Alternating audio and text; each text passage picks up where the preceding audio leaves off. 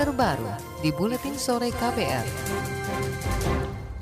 Saudara Komite Anti Dumping Indonesia KADI meminta pemerintah tegas mencegah dugaan praktik dumping impor baja Cina, yaitu gulungan canai panas paduan yang diduga masih terjadi saat ini. Ketua Kadi Bahrul Khairi mengatakan praktik dumping mengganggu pasar baja tanah air. Dia berharap pemerintah bergerak menyelidiki dugaan kecurangan penggantian nomor kode impor baja atau HS Code agar terbebas dari bea masuk anti dumping. Dumping adalah politik dagang yang menetapkan harga jual di luar negeri lebih rendah dari harga normal. Uh, diharapkan sebuah uh, kementerian itu mempunyai visi yang sama bahwa memang ini masalah sudah serius. Uh, masuknya dari produk-produk yang dumping ya, yang dumping dumping dan juga produk itu import masuk itu ada produk yang sudah dikenakan biaya masuk anti dumpingnya maka diakalin supaya HS number yang berubah sehingga tidak kena anti dumping padahal produknya pada prinsipnya sama dan yang kena anti dumping nah ini kita harus sama-sama cegah di antara pemerintah uh, yang bekerja sama untuk uh, hal itu supaya tidak terjadi. Ketua Kadi Bahrul Khairi mengatakan beberapa kementerian mesti turun tangan mengatasi dugaan kecurangan dengan menerapkan produk dumping kepada Indonesia. Sebelumnya, saudara pemerintah menganggap impor baja dari Tiongkok menjadi salah satu penyebab defisit neraca perdagangan Indonesia. Presiden Joko Widodo meminta jajaran kementerian mendorong perkembangan industri baja dalam negeri. Menurut Jokowi, Indonesia sebetulnya mampu memproduksi baja sendiri, namun impor terus meningkat setiap tahunnya. Dan data yang saya miliki, impor baja sudah masuk ke peringkat tiga besar impor negara kita. Ini menjadi tentu saja menjadi salah satu sumber utama defisit neraca perdagangan kita, defisit transaksi berjalan kita. Apalagi baja impor kita sudah bisa produksi di dalam negeri. Oleh sebab itu, utilitas pabrik baja dalam negeri sangat rendah dan industri baja dalam negeri menjadi terganggu. Ini tidak dapat kita biarkan terus kita perlu segera mendorong industri baja dan besi makin kompetitif. Presiden Joko Widodo juga meminta ada perbaikan terhadap industri baja tanah air agar Indonesia tidak harus melakukan impor besar-besaran. Presiden Jokowi yakin jika diperbaiki maka lapangan kerja akan terbuka dan angka impor baja dapat ditekan. Data Badan Pusat Statistik BPS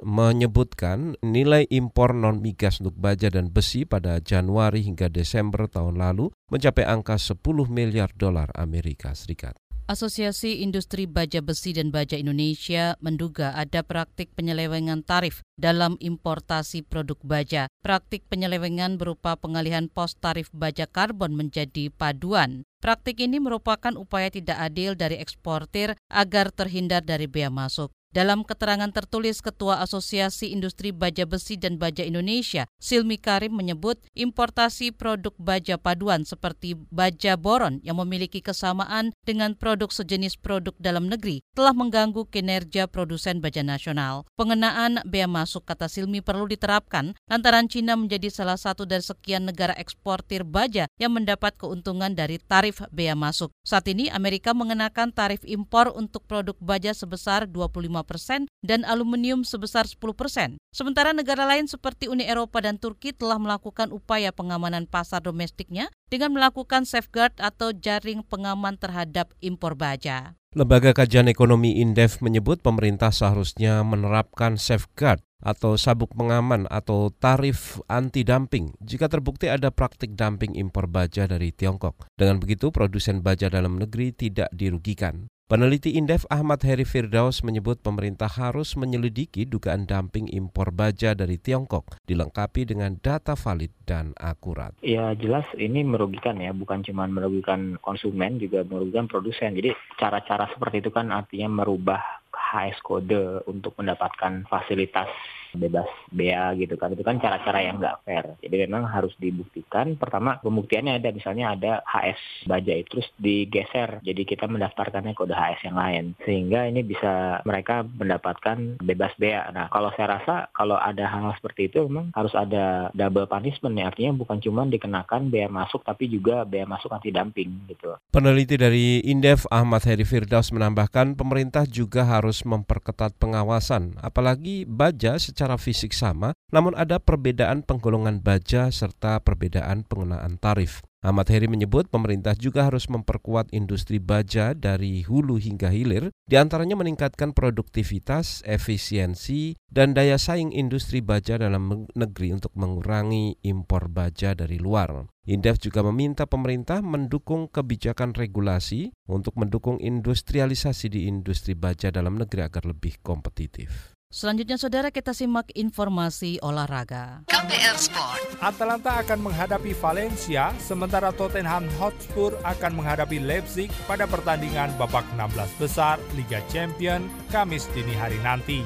Tottenham merupakan finalis musim lalu, sedang Leipzig baru mencapai babak 16 besar untuk pertama kalinya. Pada laga lain, Atalanta asal Italia akan menjamu Valencia. Atalanta akan menjalani babak 16 besar pertamanya, sedangkan Valencia pernah dua kali menjadi runner-up Liga Champions. KPR Sport. Pengundian turnamen All England 2020 telah dilakukan.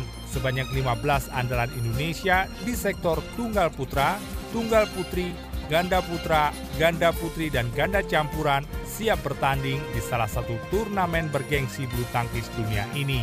All England bakal berlangsung pada 11 hingga 15 Maret 2020 di Birmingham, Inggris.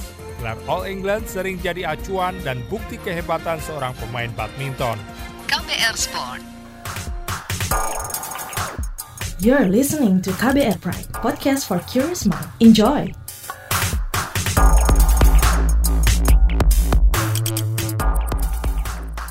Anda sedang mendengarkan Buletin Sore KBR. Siaran KBR mengudara melalui lebih dari 500 radio jaringan di Nusantara. Bagi Anda yang di Jakarta, simak siaran kami melalui Radio Pelita KCRPK 96,3 FM. Pemerintah akan menindaklanjuti dugaan pelanggaran hak asasi manusia atau pelanggaran HAM berat di Paniai, Papua. Menteri Koordinator Bidang Politik Hukum Keamanan Mahfud MD menyebut tindak lanjut akan dilakukan jika pemerintah telah menerima berkas kasus Paniai dari Komisi Nasional Hak Asasi Manusia atau Komnas HAM. Itu kalau sudah masuk nanti kita akan follow up. Follow up itu artinya ya dipelajari apakah bisa diteruskan ke tahap berikut atau harus dilengkapi dengan apa dulu nanti kita lihatlah. Tapi ada komitmen memang untuk misalkan jika memang itu ada pelanggaran. Udah pastilah, udah pastilah. Saya jaminan lah kalau itu bahwa itu akan di follow up dan nanti akan terbuka saja follow upnya tidak akan diam-diam gitu. Kalau ada kesulitan di mana masalahnya nanti masyarakat juga harus tahu. Nah itu cara hidup bernegara yang demokratis. Itu tadi Menko Polhukam Mahfud MD. Sebelumnya, Saudara Komisi Nasional Hak Asasi Manusia Komnas HAM menyebut kasus penusukan dan penembakan sejumlah masyarakat Paniai di Papua oleh anggota TNI sebagai kasus pelanggaran HAM berat. Namun hal ini ditanggapi beda oleh Kepala Kantor Staf Presiden KSP Muldoko. Muldoko menyebut kasus Paniai itu tidak masuk dalam deretan kasus pelanggaran HAM berat karena tidak ada bukti bahwa peristiwa itu dilakukan secara terstruktur. Saudara, draft RUU Ketahanan Keluarga menjadi sorotan dan menuai kritik masyarakat di media sosial. RUU itu dianggap akan mencampuri urusan privasi seseorang. Salah satu pengusul RUU itu adalah anggota fraksi Gerindra Sodik Mujahid. Menanggapi itu, Wakil Ketua Umum DPP Partai Gerindra Sufmi Dasko Ahmad mengatakan fraksinya akan mengumpulkan daftar inventaris masalah atau DIM pada rancangan Undang-Undang Ketahanan Keluarga. Ya, tentunya Undang-Undang Ketahanan Keluarga itu adalah usulan perseorangan, bukan usulan dari fraksi yang nantinya akan kita sama-sama cermati. Kita juga tidak akan pengen ada undang-undang yang kemudian nanti menuai kontroversial yang menurut beberapa kalangan ada beberapa hal yang perlu dicermati. Itu tadi Wakil Ketua Umum DPP Partai Gerindra Suhmi Dasko Ahmad. RUU Ketahanan Keluarga ini diusulkan oleh lima orang anggota Dewan. Mereka adalah Ledia Hanifa fraksi PKS, Neti Prasetyani fraksi PKS, Endang Maria Astuti fraksi Golkar, Sodik Mujahid fraksi Gerindra, dan Ali Taher fraksi PAN. Badan Nasional Penanggulangan Terorisme BNPT menyebut pemerintah masih menggodok wacana pencabutan status keluarga negaraan sekitar 600-an warga Indonesia bekas simpatisan ISIS di luar negeri. Kepala Subdirektorat Pemberdayaan Masyarakat BNPT, Andi Intan Dulung, menganggap WNI bekas simpatisan ISIS ini sebagai ancaman bagi Indonesia. Satu aja bikin kacau, apalagi kalau 600. Penting kita tidak tahu isi kepalanya yang 600 itu apa bentuk uh, isinya. Yang kita tangani sekarang hanya mungkin 11 orang, kita masih was-was apakah itu tetap kooperatif atau uh, tidak. Apalagi kalau 600, iya dia berangkat kok enggak izin.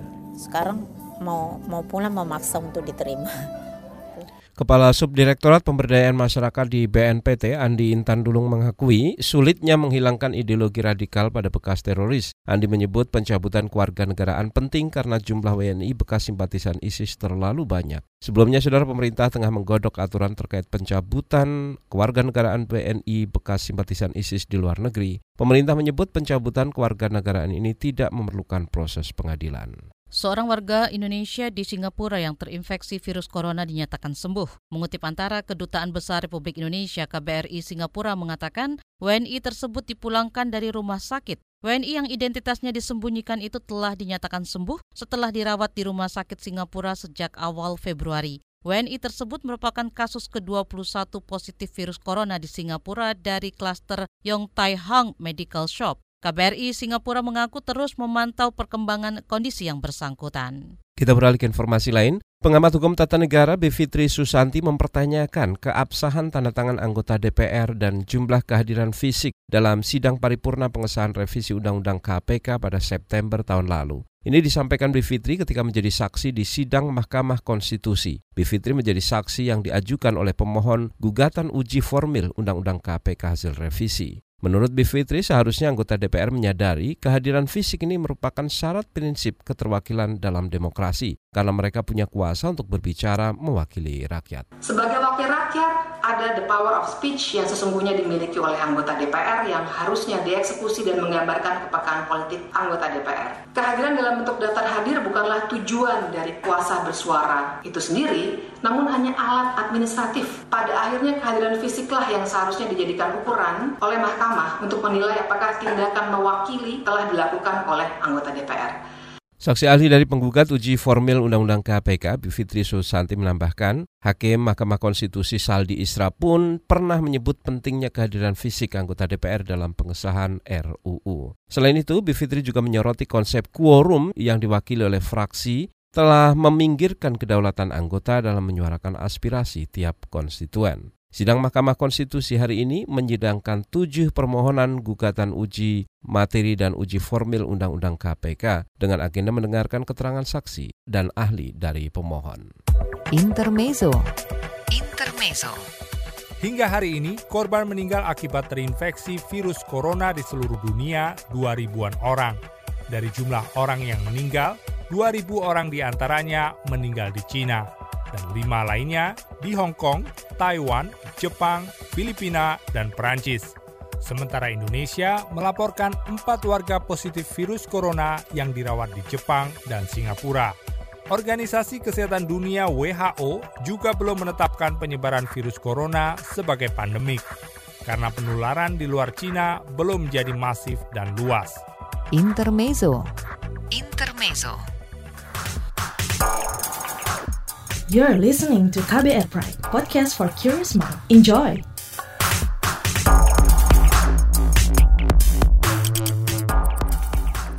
Terima kasih Anda masih mendengarkan Buletin Sore KBR. Kita masuk segmen Saga. Sebuah penelitian pada 2016 lalu menyebut Indonesia menempati peringkat kedua penghasil sampah makanan terbanyak di dunia. Setiap tahun, satu orang Indonesia menghasilkan sisa sampah makanan sebanyak 100 kg. Jurnalis KBR Wahyu Setiawan mengajak Anda melihat bahaya dari limbah sisa makanan ini.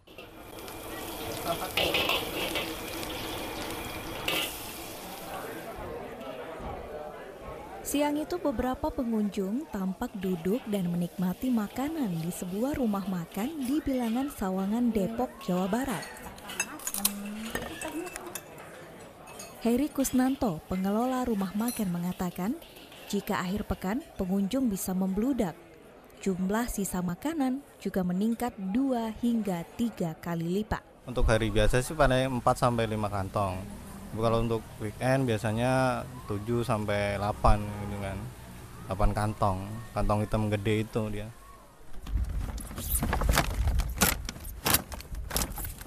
Harry lantas memutuskan bekerja sama dengan sebuah yayasan untuk mengangkut sisa sampah makanan. Untuk itu, ia rela merogoh kocek satu setengah juta setiap bulan. Ada pihak yang mengambil dari malah dia modelnya kayak model lingkungan atau dari yayasan malahan yang lola itu. Ani, salah seorang pengunjung mengaku jarang membungkus sisa makanan yang ia pesan. Alasannya, selain tak praktis, ia tak ingin sisa makanan justru jadi sampah di rumahnya. Nah itu kalau menurut uh, aku sih kadang-kadang kalau kita makan terus sisanya sedikit terus harus bayar packaging lagi itu kan kayak nggak efektif banget gitu kan ya. Ujung-ujungnya di rumah belum tentu dimakan lagi kan. Nah itu yang bikin kita akhirnya ya udahlah daripada bayar lagi ya kita tinggalin gitu aja.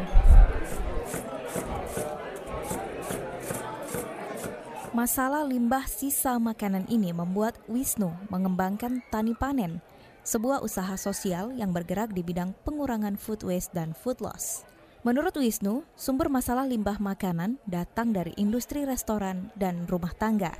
Sebenarnya mungkin malah yang lebih gede lagi uh, di tingkat hotel sih. Biasanya hotel lumayan gede karena emang uh, apa pengunjung mereka kan cukup terbatas. Walaupun ada yang uh, apa konsumsi dan macam-macam mereka biasanya tidak memake sure dan susah juga untuk memake sure dan memplan apa ya me merencanakan makanan mereka bisa pas dengan uh, kebutuhan. Salah satu mitra kerja tani panen adalah Asmil Basyaril Pengusaha di bidang pertanian ini kerap mengedukasi petani untuk tak menumpuk sisa panen yang tak layak dijual. Dalam dunia pertanian, hasil panen yang dari segi kualitas tak sempurna disebut dengan istilah food loss. Apa pun sayur buah yang dibuang itu, itu kalau dibedah mas, satu-satu di breakdown, itu berapa liter air, berapa luas tanah, berapa tenaga petani untuk numbuhin itu. Dengan gitu kami berharap konsumen lebih peka sih mas, lebih menyadari kalau bertanggung jawab sih dalam berbelanja, dalam memakan sesuatu. Nyatanya, limbah sisa makanan ini punya bahaya yang lebih besar daripada sekedar bau tak sedap dan mendatangkan penyakit.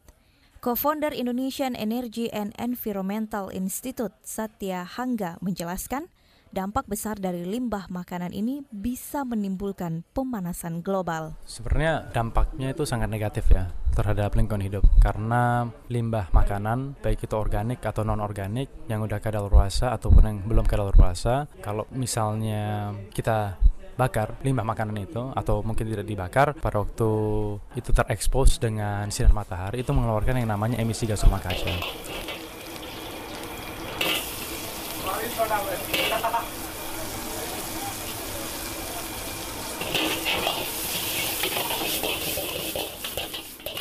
Demikian saga KBR yang disusun Wahyu Setiawan. Saya Friska Kalia. Terima kasih sudah mendengarkan. You're listening to KBR Pride, podcast for curious mind. Enjoy!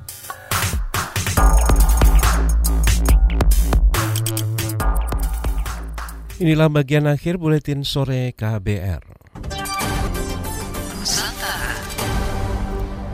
Kita ke Jawa Timur, Saudara LSM Lingkungan Walhi Jawa Timur mengajukan gugatan keterbukaan informasi mengenai kegiatan tambang emas di Pegunungan Tumpang Pitu Banyuwangi. Gugatan disampaikan ke Komisi Informasi Jawa Timur. Direktur Wahana Lingkungan Hidup Walhi Jawa Timur Rere Kristianto mengatakan gugatan sengketa informasi itu dilayangkan karena mereka tidak kunjung mendapatkan informasi dari pemerintah daerah Jawa Timur mengenai data analisa bencana di lokasi pertambangan dan amdal dari perusahaan penambang. Apalagi kawasan pesisir selatan Jawa Timur merupakan lokasi rawan bencana.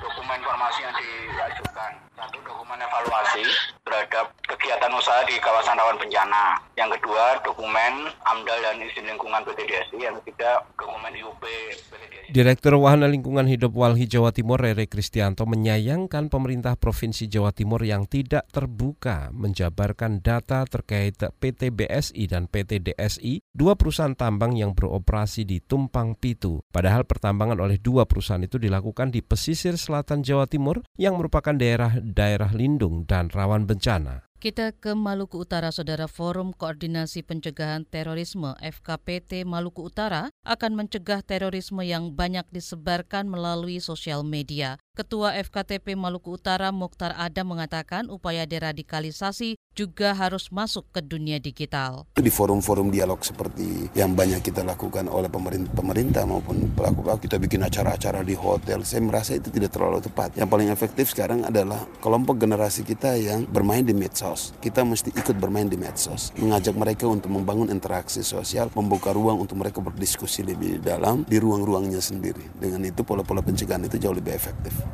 Ketua Forum Koordinasi Pencegahan Terorisme Maluku Utara Mukhtar Adam mengungkapkan potensi radikalisasi di Maluku Utara cukup besar. Dia beralasan masih ada eksklusivitas. FKPT Maluku Utara ingin mengembangkan rasa kebersamaan, persaudaraan serta interaksi antara setiap agama dan etnis termasuk melakukan pendekatan agama sosial dan budaya. Selanjutnya kita ke Aceh, Saudara DPR Aceh meminta Presiden Joko Widodo segera mengeluarkan keputusan Presiden untuk melantik pelaksana tugas Gubernur Aceh saat ini Nova Iriansyah menjadi gubernur definitif. Anggota Komisi Bidang Pemerintahan di DPR Aceh Bardan Sahidi mengatakan pelantikan Gubernur Aceh definitif ini dibutuhkan segera setelah ada putusan tetap pengadilan terhadap Irwandi Yusuf bekas Gubernur Aceh yang sudah terbukti korupsi. Kita kan menerima salinan dari amar putusan Mahkamah Agung ya membaca salinan keputusan ini itu kan sudah mempunyai kekuatan hukum yang bersifat tetap dan mengikat,